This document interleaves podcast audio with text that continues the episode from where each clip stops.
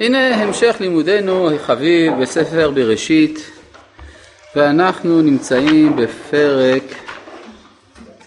אה, ל"ד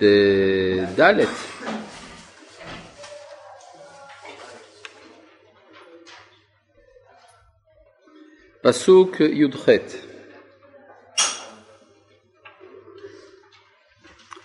פרק ל"ד פסוק י"ח ויתבו דבריהם בעיני חמור ובעיני שכם בן חמור.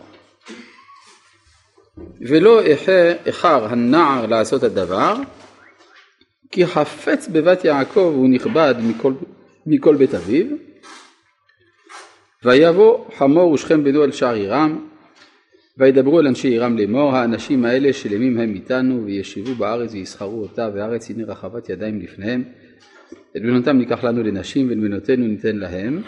שימו לב אם כן שזה מעיד על כך שבתקופה הזאת השומרון היה שומם.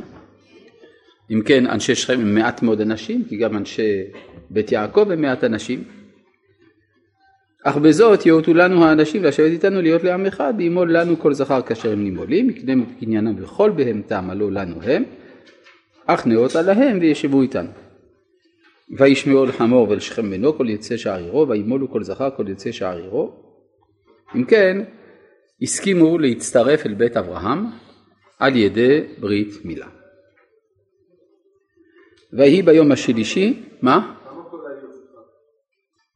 כי למה כל העיר צריכה? בגלל הפסוקים שנאמרו לפני זה, שהם רוצים להיות לעם אחד.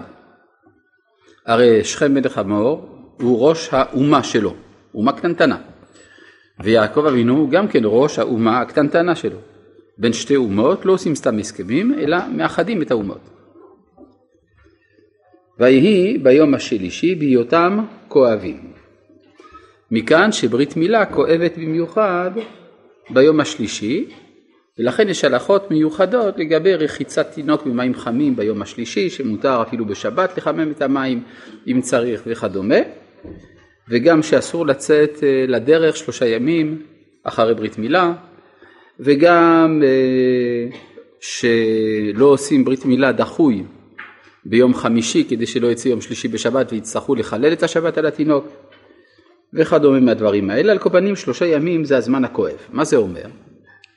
זה אומר שאם אתה עושה ברית מילה, אתה במשך שלושה ימים מעוכב מלהצטרף אל ההתקדמות של העולם. העולם מתקדם ואתה מעוכב. אם כן, יש שלושה ימים של הפרש בין ישראל לבין העמים. ומכאן היסוד שאני אמרתי פעם, שכל המקומות בתורה שבהם כתובים המילים שלושת ימים או שלושה ימים, או יום השלישי, זה כדי לציין איזשהו הפרש בין ישראל לעמים. כלומר, הקצב של ההיסטוריה נמשך, ואתה מפגר ביחס לקצב ההיסטורי. זה נקרא שלושת ימים. אגב, יש גם ביטוי לזה בלוח השנה שלנו. לוח השנה של אומות העולם, כך כתוב בגמרא, שאומות העולם מונים לחמה וישראל מונים ללבנה. ויש פיגור בין הלבנה לבין השמש. ולכן אנחנו צריכים כל פעם להדביק את הפיגור על ידי חודש העיבור, פעם במספר שנים אנחנו מוסיפים חודש כדי לגשר על הפער על הפיגור שיש בין ישראל לבין העמים לרעת ישראל ואם כן בחודש אדר זה הזמן שבו יש אפשרות של חיבור ישראל והעמים ואחרי שמתחתנים, השמש והירח מתחתנים, אז מה שקורה אחרי חתונה בכלל יש הריון. הריון, מילה אחרת בתנ"ך, עיבור. חודש העיבור זה ההיריון של ישראל והעמים, זה בא לידי ביטוי למשל בנתינתה של אסתר שהיא נסיכה ישראלית לאומות העולם כדי לחבר בין ישראל לבין העמים. כן. לא שומע. למה שלושה? שלושה זה המרחק האבסולוטי. כי הרי, אם, כך אומר המהר"ל, אם אתה שם דבר מעל דבר, נגיד אתה שם לבנה על גבי לבנה, הלבנה העליונה היא עליונה, אבל היא עליונה רק בגלל שיש תחתונה מתחתיה. כלומר, אין זו עליונות מוחלטת, אלא זאת עליונות דבקה. מה שאין כן אם יש שלוש לבנים, השלישית היא עליונה במהות כיוון שאינה עליונה בגלל שיש תחתונה מתחתיה, שהרי יש גם עליונה מתחתיה. מובן? מה? לא, זה, זה המרחק, כלומר שלושה מציין מרחק מוחלט. שניים זה די דבקות. האמת היא אפשר להגיד ככה, שעם ישראל הוא זה שיודע לעשות תשובה. והתשובה דורשת שלושה אה, מומנטים, אה, וידוי, קבלה וחרטה, ואצל אומות העולם חסרים הדברים האלה. כתוב בגמרא במסכת אה, סנהדרין, שכאשר באו בני כנען לפני אלכסנדר מוקדון להתלונן על ישראל שלקחו להם את הארץ, אז שלחו שם את גביע בן פסיסה והוא ענה מה שהוא ענה, ואז אלכסנדר אמר לכנענים השיבו לו תשובה. ואמרו תן לנו זמן שלושה ימים. חיפשו שלושה ימים ולא מצאו תשובה. כלומר אם אתה עושה תשובה אתה יכול אה, להת, להתחרות עם ישראל, אתה לא עושה תשובה אז אה, אתה לא יכול להתחרות עם ישראל וזה לקח שלושה ימים כדי לברר את זה. ויהי ביום השלישי בהיותם כואבים. ויקחו שני בני יעקב שמעון ולוי אחי דינה איש חרבו בני כמה הם? 12-13 בערך, כן, זה הגיל. ויבואו אל העיר בטח, זה בטח, כלומר מתוך ביטחון מוחלט, כלומר שאף אחד לא יתנגד להם, הרי כל העיר חולים. ויהרגו כל זכר. ואת חמור ואת שכם בנו הרגו לפי חרב. ויקחו את דינה מבית שכם ויצאו. למה ראובן לא יצא?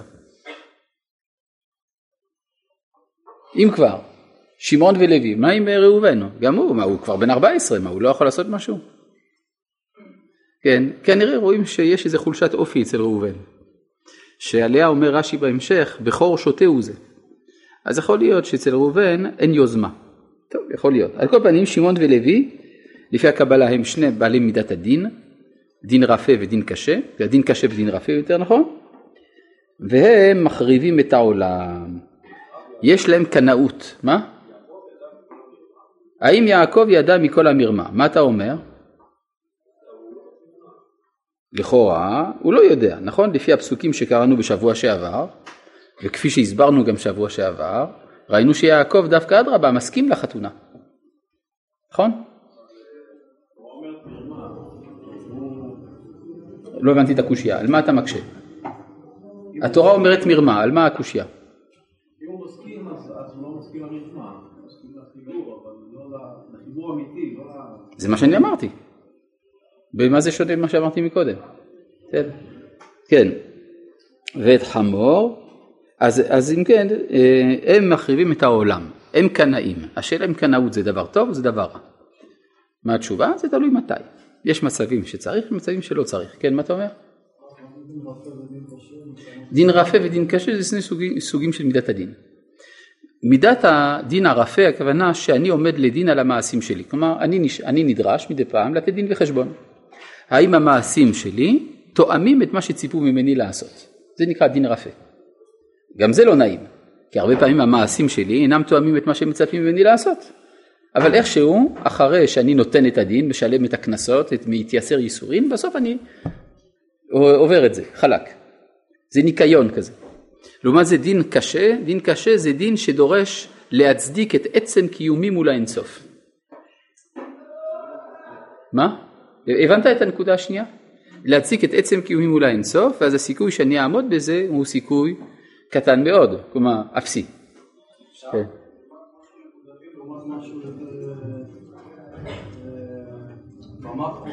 כלומר, הדין הקשה הוא עצמותי והדין הרפה הוא אה, מקרי. נכון. שמעון הוא בקשה. כן. אפשר לעמוד בדין הקשה אם אה, מזכירים לקדוש ברוך הוא שהוא שיתף את הרחמים בדין כשהוא ברא את העולם. ואת זה אנחנו עושים בתקיעת שופר. כן, בבקשה. כן. אה, מתי קנאות זה בחוכמה, במרמה כזאת שמחושבת? זו קנאות מחושבת. כלומר הם עשו את זה, למה זה, זה לא סותר? הם עשו את זה כדי שיוכלו להרוג את כולם. קנאות זה איזשהו רגש מתפרץ. אה, אתה אומר שקנאות זה רגש מתפרץ. לא, מה פתאום? קנאות זאת החלטה לא לוותר. החלטה לא לוותר ולעשות מעשה קיצוני אם צריך. ברור שכשמתתיהו למשל הרג את היהודי הזה שמה שרצה להקריב חזיר על המזבח במודיעין ואחר כך אמר מילה שם אליי, לא ברור שזה היה מתוך חרון אף, אלא גם כן מתוך חשיבה מחושבת. שדבר כזה צריך דווקא לנצל כדי עכשיו לפתוח את המרד נגד היוונים. כן? לא סתם הוא הורג בן אדם. כן, מה אתה אומר? אה, טוב. כן. מה? לא הבנתי. בראש השנה אומרים גם דין קשה. כן, כן, כן, בשביל זה שני ימים של ראש השנה. הלאה. אני לא אמרתי שאי אפשר לעמוד בדין קשה. מישהו פה שאל איך אפשר לעמוד בדין קשה, ואני עניתי. ואותה תשובה שעניתי לו, אפשר גם שתקבל אותה. זה, לא- אני לא מתכוון לשנות דעה. אה, בני יעקב באו על החללים ויבוזו העיר אשר טימאו אחותם. מי זה בני יעקב? כל בני יעקב. גם אה, זבולון הקטן ונפתלי הקטנצ'יק, כולם באו, כן, זה ילד בן, בן תשע, ילד בן עשר, ככה באו, סחבו את כל מה שיש שם, כסף, זהב, כלי מטבח וכדומה. את צונם ואת בקרם ואת חמוריהם ואת אשר בעיר ואת אשר בשדה לקחו ואת כל חילם ואת כל טפם ואת נשיהם שבו ויבוזו ואת כל אשר בבית. כלומר המשפחה של יעקב הופכת להיות עשירה, יש להם עבדים, שפחות, אה, צאן, בקר, משהו ככה רציני. והשאלה האם זה בסדר. בואו נבדוק. ויאמר יעקב אל שמעון בן לוי עכרתם אותי להבאישני ביושב הארץ בכנעני ובפריזי ואני מתי מספר ונאספו עלי והיכוני ונשמדתי אני וביתי. מה הטענה של יעקב? האם זו טענה מוסרית או טענה אסטרטגית? אסטרטגית לחלוטין. כלומר, עכרתם אותי להבאישני ביושב הארץ. כלומר, אחרי פעולה כזאת, אני עומד בסכנה. השתגעתם לעשות דבר כזה? מבחינה אסטרטגית זה מסוכן מאוד. אין פה ביקורת מוסרית. עכשיו למה, למה אין ביקורת מוסרית? זה בדיוק השאלה. חוץ מזה, נגיד שאין כאן ביקורת מוסרית, אז מאיפה כולם לוקחים שיעקב נתן ביקורת מוסרית על אה, מעשה שמעון ולוי? כי בסוף חייו הוא אומר, שמעון ולוי אחים כלי חמאס במכירותיהם בסודם אל תבוא נפשי וכולי. אבל כאן, בשעת המעשה, אנחנו רואים שהטיעון הוא אסטרטגי בלבד. כן? זה מסוכן מה שעשיתם. עוד יהרגו אותי. נשאלת השאלה, למה אה, אין פה ביקורת מוסרית? כן, מה אתה אומר? מה? פה לכאורה זה כן.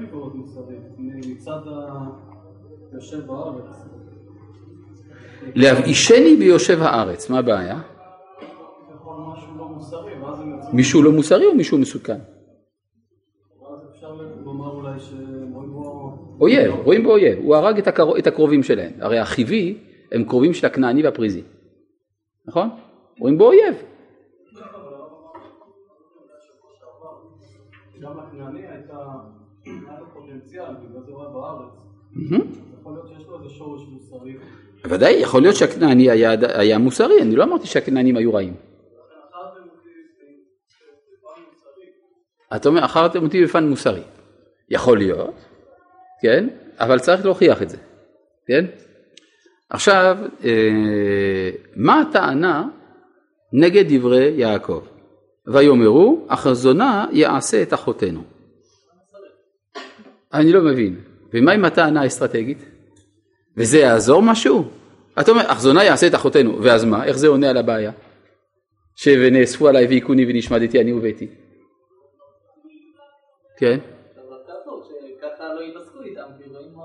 כלומר, מי שאיננו עומד על כבודו, אז דווקא נאספים עליו. בסדר? אז לכאורה הם צודקים. או נגיד את זה אחרת, הם לא לוקחים בחשבון את הטיעון האסטרטגי. לא לוקחים אותו. שהטיעון המוסרי שלהם עולה על זה, כן? זאת אומרת, אבל אז על מה הוויכוח? הוויכוח היה, כפי שראינו בשבוע שעבר, שיעקב סבר שהוא עדיין לא יכול להתנהג כאומה, ואילו בני יעקב ראו את עצמם כבר כאומה. זה הרי זה בדיוק שלב המעבר בין משפחה לבין אומה. בתור משפחה אסור לו להרוג את כל אנשי העיר, בתור אומה מותר לו, כן. כן אחרים לא זה גם טענה אסטרטגית. אפשר להגיד שני דברים, אפשר להגיד שיש פה טענה אסטרטגית, שכיוון שאני אה, נוקם את נקמת אחותי, אז אה, ייזהרו ממני, או יכול להיות שאפילו אם זה לא יעזור, אבל אני לא יכול לשתוק מול דבר כזה. כן? כלומר שלפעמים יש ערכים שהם מעל לזה. אבל נשאלת השאלה מה עצרו כל אנשי שכם מסכנים שכולם צריכים להיהרג, מה אתה אומר? למה ברמאות? למה לא? זה מצוין מרמאות, זה עובד. אה, כן, אבל אם זאת הייתה טענה מוסרית, איך היה אפשר להרוג אותם? הרי הם חזקים. לפני ברית מילה, הם חזקים, הם יכולים לתפוס בנשק. חבל על החיילים שלנו. מה? הניצחון ה- של הכבוד פה המשפחתי. או- למה לא? זה מצוין. כאילו אה. עשו את זה בצורה מלוכלכת. מצוין, ככה צריך לעשות עם אנשים רעים. עם אנשים רעים אני עושה דברים מלוכלכים, מצוין. ברור? צריך לעשות דברים מלוכלכים. אם לא עושים דברים... זה מחזק את הכבוד. להראות להם מה שקורה למי שתו- שפוגע באחות שלנו, נראה להם מה זה. בסדר? אנחנו אפילו נעשה איתו תחבולות. בתחבולות תעשה לך מלחמה. המלחמה זה לא אה, בלט. כן? זה נקמת דם. זה לא נשמע כמו סוג של נקמת דם, זו נקמת דם. היום בתפיסה המודרנית יש כאילו הסתכלות כזאת שכשאתה הולך נגד האויב שלך אתה צריך להיות יותר מוסרי ממנו אתה צריך תמיד להחזיר לו את החלק. כשאני נלחם נגד האויב שלי, לפי ההיגיון המוסרי של תורת ישראל, אני צריך לרדת למדרגה שלו. בסדר? כלומר, הטענה הלא מוסרית אומרת, אנחנו לא נהיה במדרגה שלהם, אנחנו לא נרד למדרגה שלהם, הטענה הזאת איננה טענה. כן? כי אדרבה, זה בדיוק הרעיון של ההדדיות. ייתנו, יקבלו. כן?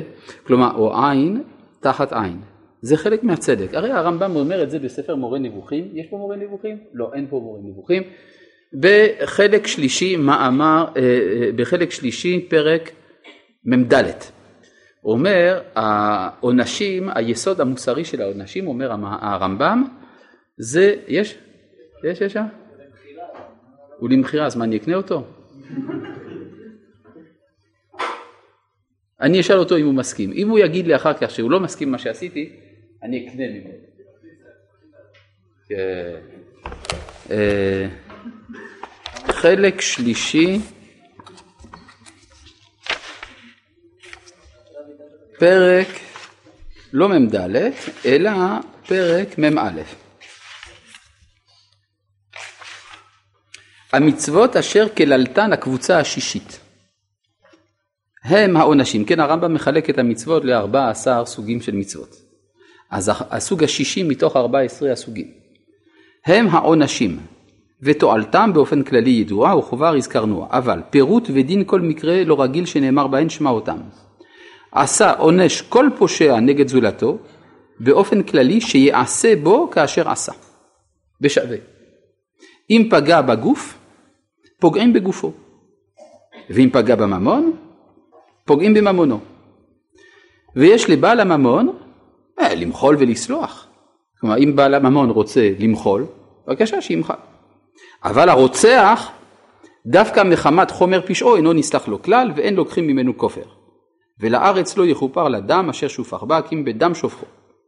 ולפיכך אפילו נתקיים הנהרג שעה או ימים, והוא מדבר ודעתו נכונה עליו, ואמר הניחו להורגי, כבר מחלתי לו וסלחתי לו, אין שומעים לו. אלא נפש תחת נפש, בהכרח. תוך שוויון קטן וגדול, עבד ובן חורין, החכם והשכל, כי אין בכל פשעי האדם יותר חמורה מזו. ומי שהשחית איבר, מאבדים לו כמותו, כאתר, כאשר ייתן מום באדם, כן יינתן בו. כן, אדם עשה מום בחברו, הוציא לו אצבע, יוציאו לו גם כן אצבע. עין תחת עין, מה? כך כתוב, לא? כאשר ייתן מום באדם, כן יינתן בו. מה אתה אומר? זה סותר את, מה, מה אומרת התורה שבעל פה? ממון היא אומרת? אה, הוא כותב ככה, ואל תטריד את מחשבתך במה שאנו עונשים כאן בתשלומים. אל תקשיב קושיות כאלה, אומר הרמב"ם. כי הכוונה עתה לתת טעם למקראות, לא ליתן טעמים לתורה שבעל פה. הפסוקים. אני רוצה להסביר לך למה הפסוק אמר את זה. מצד האמת זה מה שראוי לעשות. למעשה יש לנו סיבות לא לעשות את זה. יש לנו סיבות הלכה למעשה ולכן למעשה לא עושים את זה. יכול להיות גם סיבות מוסריות, יש כל מיני סיבות. יש הרבה סיבות, למה לא? כן, אפשר לכתוב על זה ספרים שלמים. מדוע למעשה לא מוצאים את העין? אבל צריכים לדעת שהמחאה נגד האלימות היא מחאה מוחלטת. מי שנוהג באלימות, נוהגים בו באותה אלימות שבה הוא נוהג. בסדר? בבקשה. אולי זו טענה קצת נוצרית, אני אפשר לומר שמחאה נגד אלימות היא דווקא שאנחנו לא נוהגים באלימות בשום מצב כביכול. כמובן שזה לא מעשי, כן? מחאה נגד אלימות, זה הכוונה שלא ננהג באלימות בשום אופן. זאת הטענה של אחד מגדולי פושעי המלחמה בימינו, הדלאי למה. הדלאי למה היה מלך, אה, מלך טיבט, חוץ מזה שהוא גם אלוה. אמנם יש לו משקפיים, אבל אה, הוא נחשב לאלוה בטיבט, גם היום בנפאל. והוא, אה, כאשר מאו צטונג, הנשיא הסיני, כבש את טיבט, הוא סירב להגיב כשהפציצו את, אה, את הארמון שלו, כי הוא אמר אי אפשר להשיב לאלימות באלימות. והוא נתן לשני מיליון מבני עמו להישחט בגלל זה, ולכן הוא קיבל פרס נובל. נכון? פרס נובל לשלום. אחרי שהוא פושע מלחמה נתן לשני מיליון מבני עמו להיהרג, אז אתה אומר, טוב, הוא בסדר, הוא צדיק. איזה צדקות זאת? זו רשעות. כן.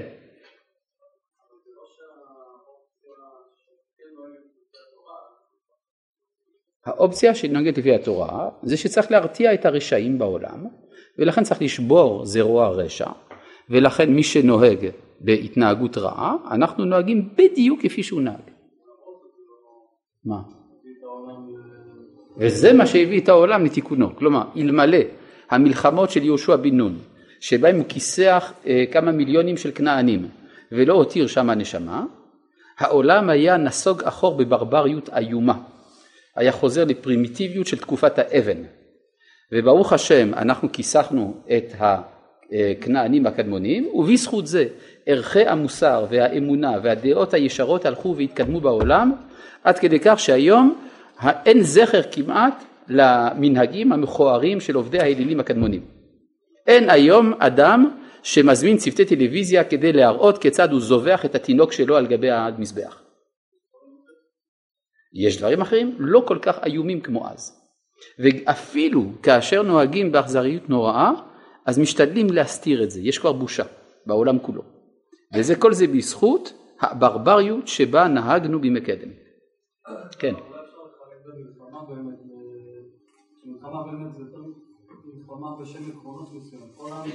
אז צריך לבדוק במלחמה אם המלחמה צודקת או לא צודקת. אם היא צודקת תצטרף אליה, לא צודקת אל תצטרף.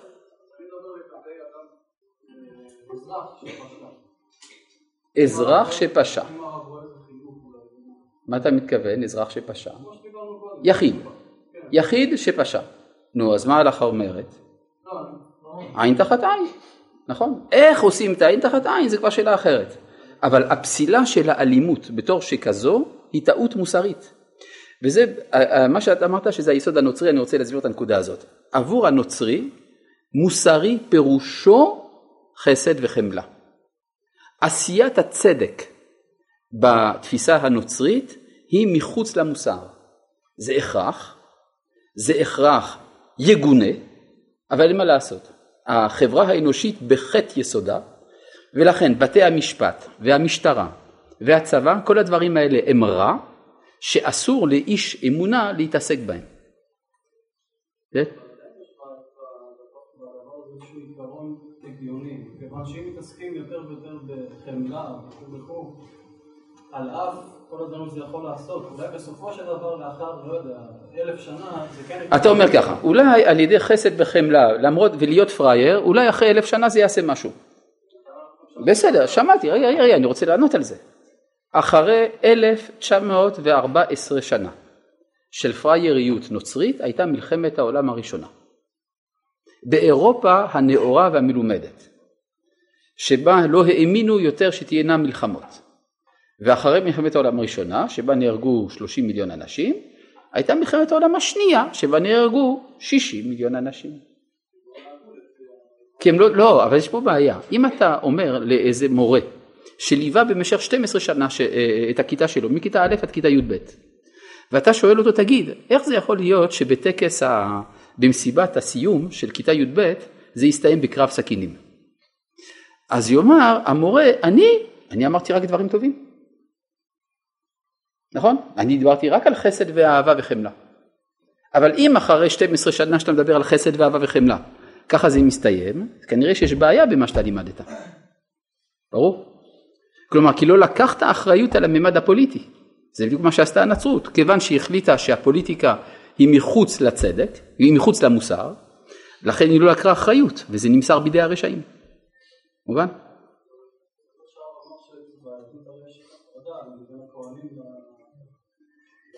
יש הבדלה בין הכהנים לבין המלך וכולי, כן, אז מה? אה, פשוט מאוד. ביהדות המלך והכהן והשופט והנביא, ארבעתם הם מוסדות שלטון, וארבעתם קדושים. בנצרות המלכות זה לא קדוש, זה טמא, זה חולין במקרה הטוב. זה לא חלק מן האסטרטגיה האלוהית. מובן? זה בחוץ, זה בחוץ. והקדושה נמצאת בכנסייה בלבד מבחינתם. ברור, ולכן זה טומאה. כן. להגיב באותה אלימות או יותר מזה? האם להגיב ביותר אלימות או באותה האלימות? זו שאלה ששאל הרב קוק.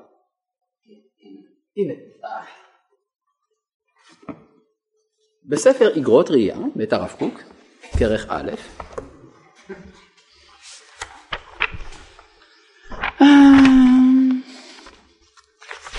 בעמוד ק'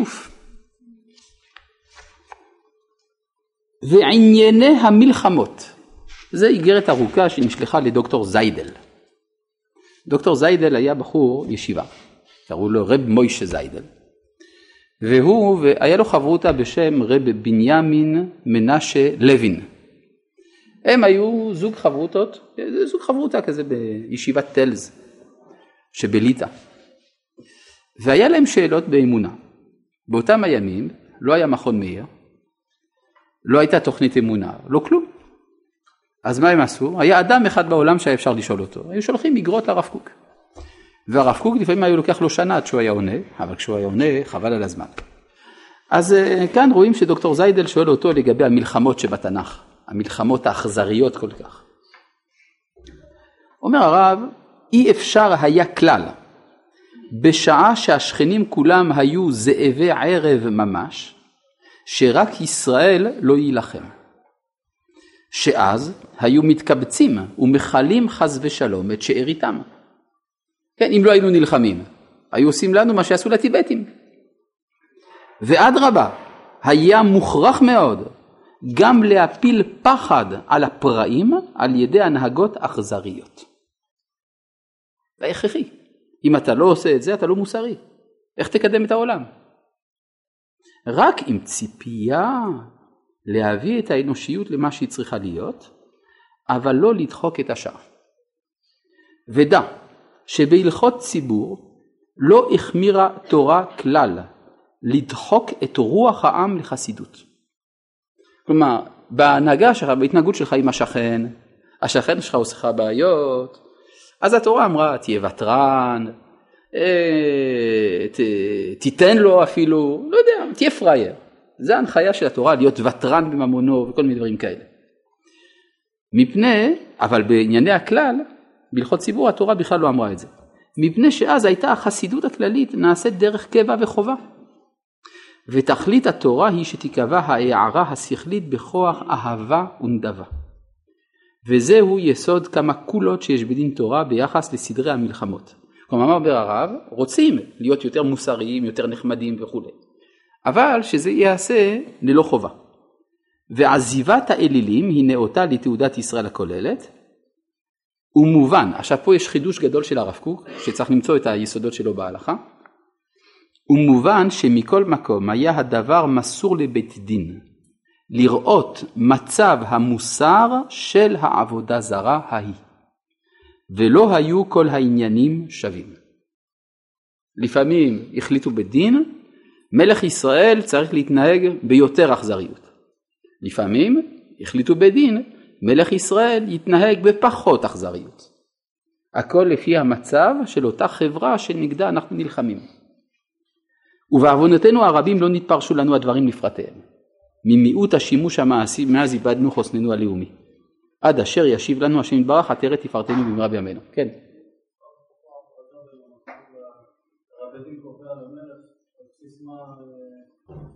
יש דיני מלכות, יש דיני בסנהדרין וכולי, אנחנו צריכים ללמוד את זה. גם הנביאים לפעמים התערבו בזה. למשל, רואים שבמלחמה עם מואב, אלישע הנביא ציווה כל עץ טוב תפילו. זה בניגוד לתורה, התורה אמרה שלא להכרית את העצים, נכון? לא, תח, לא תשחית את העצה. ופתאום, כשנלחמים נגד מואב, פתאום בא אלישע הנביא, אומר, שמה תפילו את העצים. מה קרה? כנראה שמואב יותר מושחתים. אז צריך בשביל זה נביא שיגיד. בסדר. אה, יש, לעומת זה במלחמת מדיין היה אחרת, כלומר יש אה, כל מיני אה, כללים בדבר הזה, יש איזו שפיטה מוסרית של הדבר הזה. כן. בבקשה. כן. ודאי שיש נפקא מינות להיום, שמת לב שאנחנו במלחמות גם?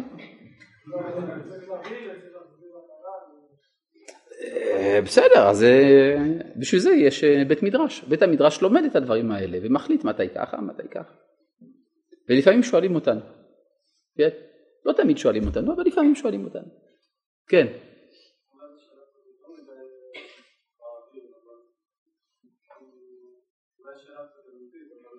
זה בסדר. כמו באיצטדיון, כאילו, של גלדיאטורים, ש- אנחנו צריכים לעשות את העבודה כאילו בשם המוסר ולהיות בשביל זה. כלומר, אני, שואל, אני רוצה לשאול את השאלה שלך יותר בחריפות. למה הקדוש ברוך הוא שם אותנו, אנחנו, העם הטוב ביותר מבחינה מוסרית, החברה המוסרית ביותר שיש בעולם, למה הוא שם אותנו במרחק של מספר תחנות אוטובוס מהחברה המושחתת ביותר בעולם? כן, ז- ז- זאת שאלה, כלומר, רואים שזה יותר מדי חריף. כן, תח, שתי תחנות אוטובוס אתה כבר בעולם אחר, מבחינה מוסרית, מבחינה ערכית, הכל. מה רוצים מאיתנו? ההשגחה העליונה לא סתם עשתה את זה. כן? אולי היא רוצה לבחון אותנו כיצד אנחנו מתנהגים במצבים כאלה, ואולי שנדע לשמש כדגם מוסרי שידריך את העולם בדברים האלה. בסדר? אז יש פה עבודה. כנראה שצדקו בזה רבותינו שאמרו שהחיים לא פיקניק. זה מאלץ אותנו לפתח סוג של אכזריות, כלומר כדי, לד... כדי להשתמש בכל כוחות הנפש, כולל הכוחות האכזריים שבנפש, הם קיימים ממילא, ולדעת כיצד להכליל אותם בהכרה המוסרית שלנו. אני לא יודע, אבל הייתי אומר ככה, שחברות אחרות שמונעות את עצמן מאכזריות כביכול, בסופו של דבר כשמגיע שעת המבחן הן לא עומדות בזה. ואילו עם ישראל כן עומד בזה. כן? וזה אומר משהו על, עלינו. כן? למה ליהודים יש משהו לפחד? כי אכזריות זה לא מידה טובה בנפש. זה לא מידה טובה. כן? כמו שנקמנות היא לא מידה טובה, אבל נקמה היא מידה טובה. צריך לעשות הבחנה בין נקמנות לנקמה. בין ענווה לשפ... לשפלות הרוח. בין אה, גמילות חסדים לבין פזרנות. זה העבודה תמיד שאנחנו נמצאים עליה. זה מידת האכזריות ודאי שהיא מידה רעה בנפש. כן? ברור. אז, אה, אבל לא צריך לפחד מלהפעיל אכזריות במקום שזה נדרש, מבחינה מוסרית. טוב, אז אם כך, אה, צריך להבין כאן מה שקורה כאן עם יעקב. אז אני רוצה להבין פה את החטא של אנשי שכם. מה פשעו אנשי שכם שהם כולם נתחייבו, כל הזכרים, נתח... אגב למה הם הרגו את הזכרים ולא את הנקבות? מה? כי הזכר יכול להילחם נגדך. כן? הנקבות לא נלחמות. אז לכן את הנקבות הם לקחו בשבי, ואת הזכרים הם הרגו. לא, זה לא כדאי להביא קצת רכוש הביתה? שפחות, מקנה, צאן. ברור, ברור, ברור. כלומר, אם כבר אתה יוצא למלחמה, והמלחמה היא צודקת, אז אתה הורג כל מי שיכול להילחם נגדך. כן? צריך להבין שבמונחים של החברה העתיקה, אם אתה משאיר אחד מן השבט שאתה נלחם נגדו, אתה יודע שעוד עשרים שנה הם יהרגו את כל השבט שלך. כן? כלומר אין ברירה, זה הכל או לא כלום, זה, זה הכללים של אה, אותה התקופה. אה, אז לכאורה, מה חטאם ומה פשעם של אנשי שכם? כן, בבקשה. דיברת על אפשרות של להעלות את סדום כחברה. נכון. נכון. כאן כלומר, את שואלת, מדוע עם אנשי סדום אי אפשר, בסופו של דבר לא העלינו אותם, חוץ ממשפחה אחת, ואילו כאן לקחו את כל הנקבות, ואת כל המקנה. אז כנראה שהיה אפשר להעלות משם משהו.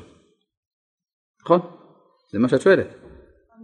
כן, את שואלת מדוע פה היה מה להעלות. כן, אז ודאי, כי כנראה אנשי שכם לא היו מושחתים כמו אנשי סדום. נכון, ולכן אפשר היה להשאיר בחיים את השפחות ואת כל הצאן והבקר, כן. טוב, בבקשה. כן, יש פה הערה? טוב. אה, אם כך, אני רוצה עדיין להבין, אז מה, מה? מה תעשה? את הבעל, את האבא. אז מה אתה רוצה לעשות? להשאיר אותם ככה? איך אפשר, הם יעבדו בשבילך? כן, כן, ודאי. ככה זה היה מקובל בזמן העתיק. מה, מה אתה רוצה? להשאיר אותם שהם ילכו עכשיו לכנעני ולפריזי ושם הם יסיתו אותם להילחם בנו? אלא מה אתה מעדיף? להרוג את כולם? בשביל מה? כן? אז אם כך, אה, נשאלת השאלה, אבל מה עשו אנשי שכם? שנתחייבו כולם כליה. כן, הרמב"ם אומר, בגלל שהם היו כולם שותפים לפשע. הם ידעו מה עשה שכם, בן חמור, והם חיפו עליו, במקום לדון אותו, לשפוט אותו. ולכן התחייבו כליה. נשאלת השאלה, הרמב"ן אומר שזה לא נכון. הרמב"ן אומר שהרמב"ם לא צודק בזה, בגלל שסך הכל, מה יכולים כל אנשי העיר לעשות נגד המושל? אלא היה צריך להרוג רק את השכבה הפוליטית, דהיינו המנהיגים.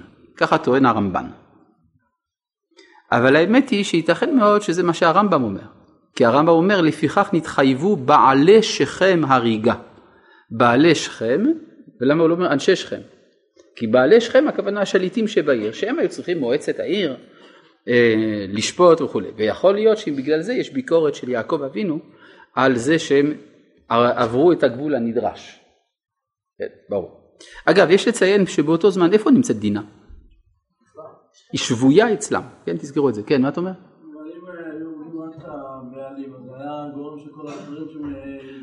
אז יכול להיות שכל האוכלוסייה הייתה קמה אליהם ולכן לא הייתה ברירה אלא להרוג את כולם, כן זה גם יכול להיות. כן. אה, טוב אבל על כל פנים אה, אנחנו רואים שיש פה ויכוח בעצם בסופו של דבר בין יעקב לבין בניו והוויכוח הזה יבוא לידי ביטוי יותר חריף בשעת פטירתו של יעקב אבינו כאשר הוא יגנה את האלימות של שמעון ולוי וצריך לברר למה הוא מגנה אותה, הרי פה הוא לא מגנה אותה באופן עקרוני, רק הוא אומר שיש פה בעיה אסטרטגית. אז מה קרה? מה, מה השתנה בין שם לבין כאן? זה כשנגיע לפרשת ויחי, בעזרת השם, נזכור לטפל בשאלה הזאת. כן. עכשיו, לכל אורך הפרשה הזאת, אנחנו רואים שיעקב נקרא בשם, איזה, איזה מה השם שלו? יעקב. וואו. יעקב, לפי מה שלמדנו, זה מצב הקטנות, השפלות. ויאמר אלוהים אל יעקב, קום. מה צריך לקום? סימן שהוא יושב או שוכב. עלה. סימן שהוא בשפלות.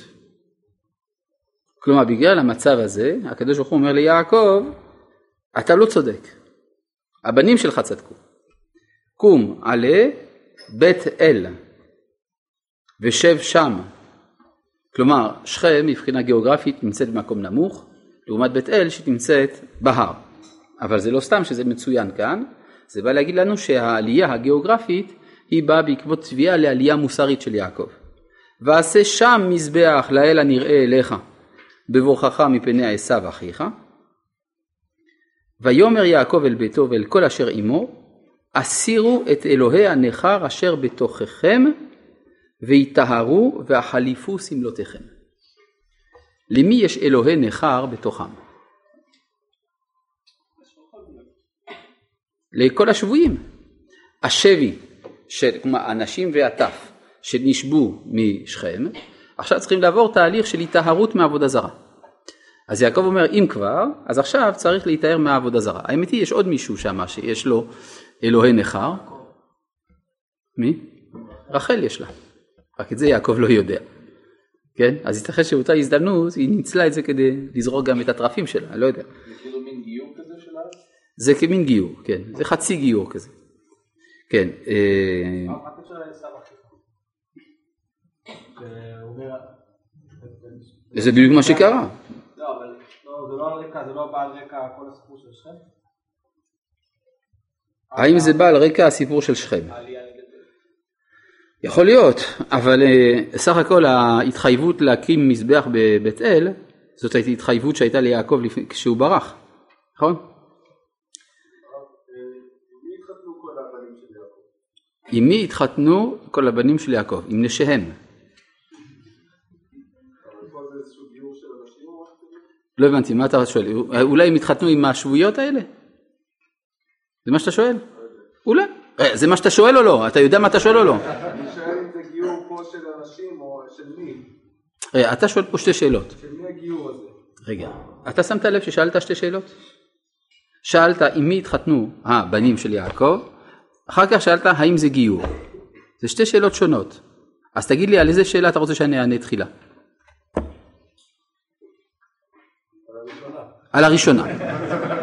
טוב, עם מי התחתנו הבנו, הבנים של יעקב? תשובה, לא יודע. יש בחז"ל כמה דעות, יש דעה שאומרת שתאומות נולדו עם השבטים. מה זה אומר? זה אומר שהם חזרו למדרגת אדם הראשון, ואצל האדם הראשון שנולד עם בת זוגו, לא, לא נוצר עם בת זוגו, אז גם הם נוצרו עם בנות זוגם, ולכן כמין אנושות חדשה נולדת. דעה שנייה, שהתחתנו עם כנעניות. בסדר? טוב, הלאה. בספר יחזקאל כתוב אביך אמורי, ו... אה, אה, כן, ואימך חיתית. אביך אמורי ואימך חיתית, נאמר על כלל ישראל. אז כנראה שיש לנו יסודות כנעניים מבחינה ביולוגית בתוכנו. אה, ונקומה ונעלה בית אל, האם גיירו אותם? למה? לגייר למה? ליהדות? אבל לא הייתה יהדות. אלא מה? להתקבל לבית אברהם. זה כן, ודאי, צריך להסיר עבודה זרה, צריך למול וכולי. עכשיו לגבי שאלתך השנייה, האם זה כמין גיור? אני שואל, הרי הבחור הזה שיושב פה שאל את אותה שאלה לפני כן ועניתי לו. למה התשובה שנתתי לו לא מספקת אותך? טוב, אתה לא עונה, בסדר, לא משנה. נו. עם ישראל הוא לא עם במובן הרגיל שלנו. אמרת שהיהדות היא לא דת, ועם ישראל הוא לא... זה היה בתוכנית אה, רב הקונפלקסית. למה אמרת ש... זה מה שמחלימה שעם ישראל, שלדעתך עם ישראל הוא לא עם, ואז הם הפסיקו את הזה, אז אני לא יודע מה היה. ונגיד שאני אמרתי את זה, מה זה קשור? אתה אומר, אתה אומר שזה קשור? שהזכרנו פסוק שאביך אמורי ואימך חיתי. לא משהו גנטי, אלא זה משהו כביכול. ודאי שזה גנטי יהודי. יש בסיס אה, היסטורי, גנטי. השאלה היא איזה גנטיקה, אבל ברור שאנחנו בני אברהם, יצחק ויעקב. בני אברהם, יצחק ויעקב הם עם ישראל, ואחר כך מצטרפים אליהם כל המצטרפים. אבל יש גרעין בסיסי. יש איזה יהודי אחד, אה, שאני לא יודע איך בכלל, אה, הוא לא מתבייש לכתוב את מה שהוא כותב, כתב ספר שעם ישראל לא היה קיים אף פעם, קוראים לו זנד, והוא אומר מדוע ההוכחה שעם ישראל לא היה קיים, זה שהוא מביא שלאורך כל הדורות היו הרבה גרים.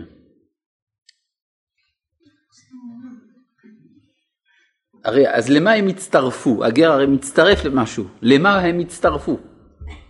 כן? אז סימן שהם הצטרפו למשהו, כן? אז יש איזה בסיס גנטי. כן, בדיוק. לא, מה שהתכוונתי בתוכנית ההיא שעם ישראל הוא לא עם, זה בכלל לא לזה התכוונתי. התכוונתי למשהו אחר לגמרי. התכוונתי לדברי הרב קוק במכתבו לשי הורוביץ, ששם הוא מסביר שעם ישראל הוא לא באמת עם, אלא הוא ישות עליונה, שהיא מתהלכת על העולם הזה, בעולם הזה בצורה של עם. ולכן אנחנו קוראים לעם ישראל בשם עם, כי כך נקראים כל הקיבוצים האנושיים. זה הכל. אבל אנחנו כן, כן, חיה שמימית, איזה מין אידאה שמתהלכת בעולם. טוב,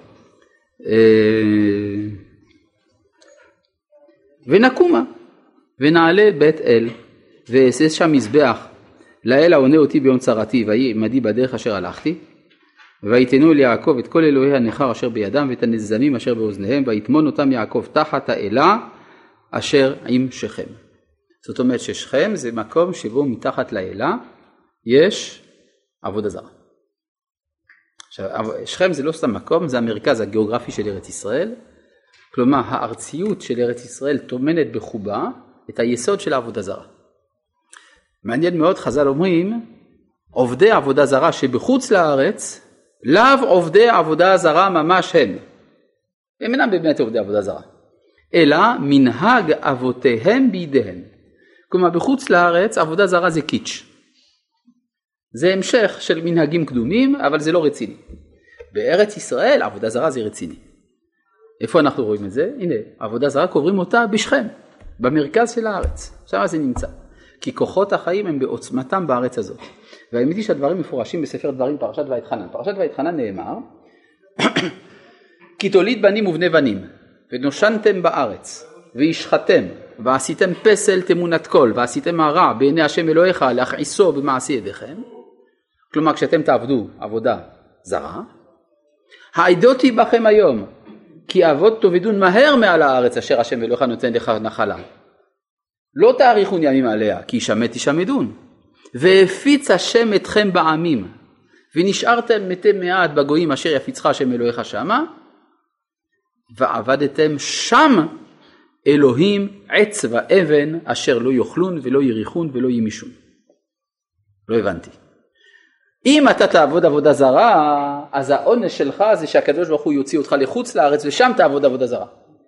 אבל זה בדיוק מה שעשית שם. מה זה הפרס? על עבודה זרה, הפרס שאתה עובד עבודה זרה. אלא הכוונה שבחוץ לארץ אתה תעבוד עץ ואבן אשר לא יאכלון ולא יריחון ולא ימישון, זה עבודה זרה light כזה. זה לא רציני. בסדר? זה מה שזה אומר. בארץ ישראל עבודה זרה זה רציני. כמובן.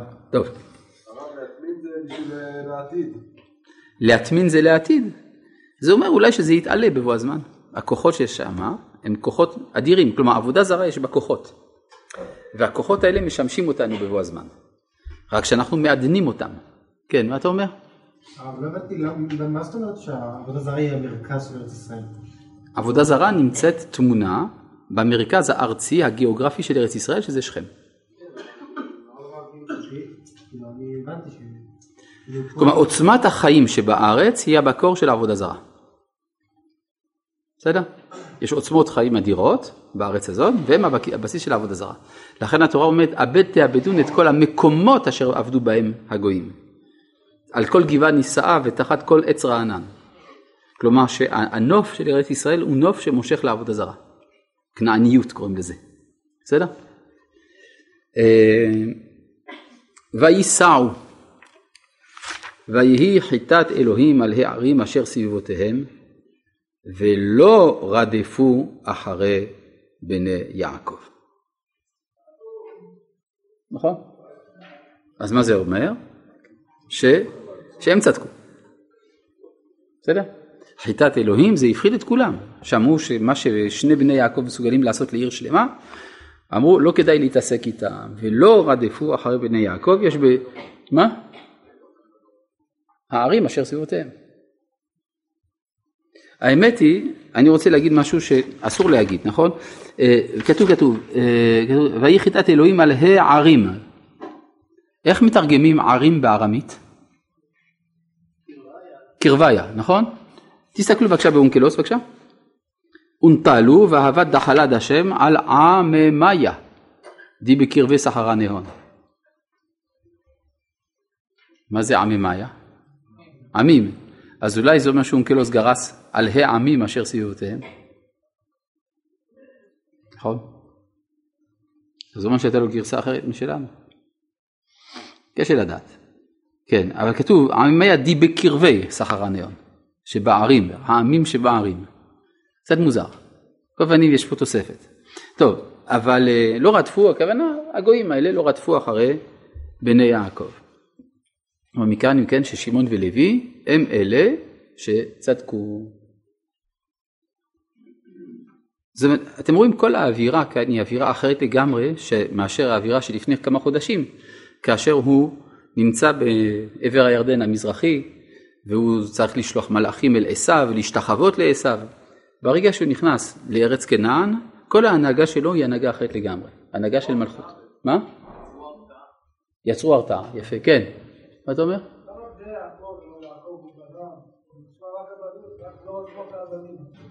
אה, למה לא, כי לא רדפו אחרי יעקב, כי אחרי יעקב אי אפשר לברוח, אי אפשר לרדוף.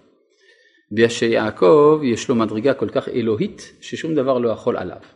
אם היה מקום לרדוף, זה אחרי בניו.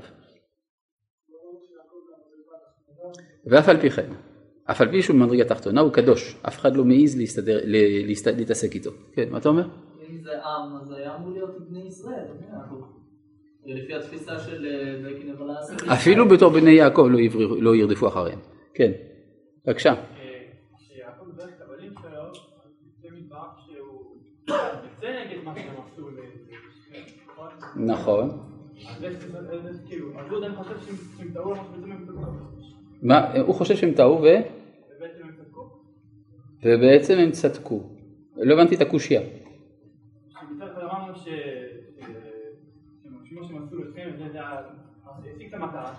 נכון. מי אמר שהוא עדיין חולק עליהם? הוא יצא נגדם. מתי? מה כש? אתה שואל למה לפני אה, פטירתו יש לו ביקורת עליהם. זה אני אמרתי במהלך השיעור הזה, נכון? שכאשר נגיע לפרשת ויחי אנחנו נדון בזה. אז מדוע אתה חולק על מה שאמרתי אז? כלומר יש לך קושייה על מה שאני אמרתי? לא, טוב. אה, כן, בבקשה. האם אכן יעקב שינה את ההנהגה שלו כמו שאתה אומר, או שהבנים שלו שינו? הוא עדיין כמו מול עשיו, הוא מפחד להילחם. יעקב עדיין מפחד להילחם, נכון. אז הוא לא שינה את ההנהגה. ודאי שהוא שינה את ההנהגה, אנחנו נראה את זה בהמשך. כן? עוד מעט. ויבוא יעקב לוזה אשר בארץ כנען היא בית אל, הוא וכל העם אשר עמו, ויבן שם מזבח, ויקרא למקום אל בית אל, כי שם נגלו אליו האלוהים בבורכו מפני אחיו, ותמות דבורה מנקת רבקה. מה זה קשור? מה, מה, מה אכפת לי ש... כלומר, מה זה תקוע פה? הוא בונה מזבח, הוא, הוא מקיים את נדרו, ותמות דבורה מנקת רבקה. אז חז"ל אומרים שאם מתה מנקת רבקה סימן שגם רבקה מתה. מה זה אומר? שהוא נגמל. זה אומר שהוא נגמל, יעקב. כן. ותיקבר מתחת לבית אל תחת האלון ויקרא שמו אלון בחוט. מה? מאמו. הוא עצמאי עכשיו. עכשיו הוא עצמאי. עד עכשיו היה משוע, עדיין היה קצת אה, חסר ביטחון עצמי. מה? אני עוד לא יודע, אם אני אצליח לקרוא את הפסוק הבא, אולי. וירא אלוהים אל יעקב עוד בבוא מפדן ארם ויברך אותו ויאמר לו אלוהים שמך יעקב לא יקרא שמך עוד יעקב כי אם ישראל יהיה שמך ויקרא את שמו ישראל. בסדר? כלומר יש אם כן יעקב נקרא ישראל בפי המלאך במעבר יבוק חוזר להיקרא ישראל כשהוא מגיע לארץ כנען מפני החולשה המוסרית מול יושב הארץ פה לפניו וכאשר הוא מתגבר על הדבר הזה אז הוא הופך להיות ישראל בבית אל. בסדר? מה? הנה הוא התגבר. מה? למה לא מחזיק מעמד? מה זה? אני לא יודע, אני עוד לא קראתי, מה אתה אומר? כן, אבל הוא, כנראה אה, הבין את, המסר, כיוון שהוא ראה שהיה חיטת אלוהים על הערים אשר סביבותיהם ולא רדפו אחרי בני יעקב, והוא עלה עד בית אל, ובבית אל חזר אל עצמו, אז הקדוש ברוך הוא נגלה אליו וקורא לו ישראל, כלומר יש תהליך פנימי שהוא צריך לעבור. כן, בבקשה. חיה. אז זה מה שבמעבר יבוק, אז שם האיש אומר לו, ישראל יהיה שמך. וכאן ויקרא את שמו, ישראל. יש הבדל. כן, בבקשה. למה היה צריך לבנות של מזבח? קורבנה של מזבח. איפה? כשהוא ברח הוא יצק שמן על האבן, נכון? הוא לא בנה שם שום מזבח. והוא אמר, ואם יהיה אלוהים עמדי ושמרני בדרך הזה אשר אנוכי הולך ונתן לי לחם לאכול ובגד ללבוש ושבתי בש... בשלום אל בית אבי והיה השם אלוהים והאבן הזאת אשר שמתי מצבה יהיה בית אלוהים וכל אשר תיתן לי עשר עשרנו לך. אז כאן הוא קיים את, את התחייבותו שיהיה בית אלוהים. איך הוא עשה את זה? בנה מזבח. בסדר? למה הוא עושה את זה אחרי אה, שכם, לא ישירות אחרי פגישה עם עזב? למה הוא נסע צפונה לשכם ולא חזר, לא נסע ישירות לבית אל? שאלה זו, שאלנו אותה בשבוע שעבר. התשובה שנתתי אז טובה גם היום. בסדר. אפשר להוציא את זה אגב מהארכיון. כן, בבקשה. למה יעקב לא יכל לקנות עצמאות כשאמו היה מחר? זה חלק מן הגמילה. כן, כי האם הרי היא זו שמצווה עליו מה לעשות. שמע בקולי לאשר אנוכי מצווה אותך. וכאן הוא מחליט מעצמו להיות ישראל, הרי מה היא אומרת לו שמה לרמות? ללכת בעוקבה וברמייה. ועכשיו הוא צריך ללכת ביושרה, ישר אל, נכון? לפי מה שלמדנו. ויאמר לו אלוהים, אני אל שדי. אגב, סתם ככה, אה, מה זה השם הזה דבורה? איפה זה בא השם הזה? דיבור? אז שיקראו לה דיבור, מה זה דבורה? אה, יש בעל חיים שעושה בז, נכון? עוקץ, מה הוא מייצר? דבש. מנקת, מה היא מייצרת? חלב. מה זה ארץ ישראל? ארץ, זבת, חלב ודבש, נכון? עכשיו, מה המיוחד לחלב ולדבש? כלומר, למה ארץ ישראל נקראת זבת חלב ודבש יותר מכל שבחיה? כי, הח... כי זה טהור מטמא. כן? החלב הוא בא מדם, דם אסור באכילה. חלב מותר באכילה. כלומר זה טהור שבא מתוך טמא. ומה עם דבש? זה בא מהדבורה. דבורה זה אסור באכילה, זה טמא. מותר לאכול את הדבש. אם כן, ארץ ישראל מהפכת את מה שנראה לך טמא, מהפכת אותו לטהור. זה הסגולה של ארץ ישראל שהיא מעלה את הכל. זבת חלב ודבש. נכון? זה רק בארץ ישראל. המקור, הרי מאיפה למדנו שמותר לשתות חלב? זה מה שאני מסביר לך, מאיפה למדנו שמותר לשתות חלב בכלל, ושמותר לאכול דבש בכלל? למדנו את זה מזה שהתורה אמרה ארץ זבת חלב ודבש. כלומר ארץ ישראל היא המקור של הטהרה של החלב ושל הדבש, וזה בדיוק מה שמתברר כשהוא עולה לארץ ישראל. כן, יש אה, דבורה, מנקת רבקה שמוזכרת בהקשר של אה, הפיכתו של יעקב לארץ ישראלי. כיוון שהוא הופך לארץ ישראלי, הוא יכול להוליד את השבט הצברי הראשון והיחיד. ויאמר לו אלוהים, אני אל שדי, פרא ורבה. מה זה אל שדי? מי שנותן את הפריון. פרא ורבה, גוי וקהל גויים יהיה ממכה ומלכים מחלציך יצאו. אז הוא אומר לו עכשיו לפרוט ולרבות, דהיינו שייוולד בנימין. כן. קהל גויים זה אמור על אפרים ומנשה, והם נולדו בגלות. גוי, וקהל גויים יהיה ממך, נו אז מה הבעיה? אבל גוי זה בנימין, קהל גויים אפרים ומנשה, נכון? אבל גוי זה בנימין, נכון, זה אפשרי, אם כן עכשיו. עכשיו לכאורה היה צריך להיות שגם אפרים ומנשה ייוולדו בארץ ישראל. נכון, לפי התוכנית. לא הלך. כנראה שעוד לא הגענו לאחרית הימים, נכון? וישב יעקב, ביקש לשבת בשלווה, לא הלך. בסדר? ואת הארץ אשר נתתי לאברהם וליצחק, אה, לאברהם וליצחק, לך אתננה ולזרעך אתן את הארץ. טוב, עד כאן להיום. שלום.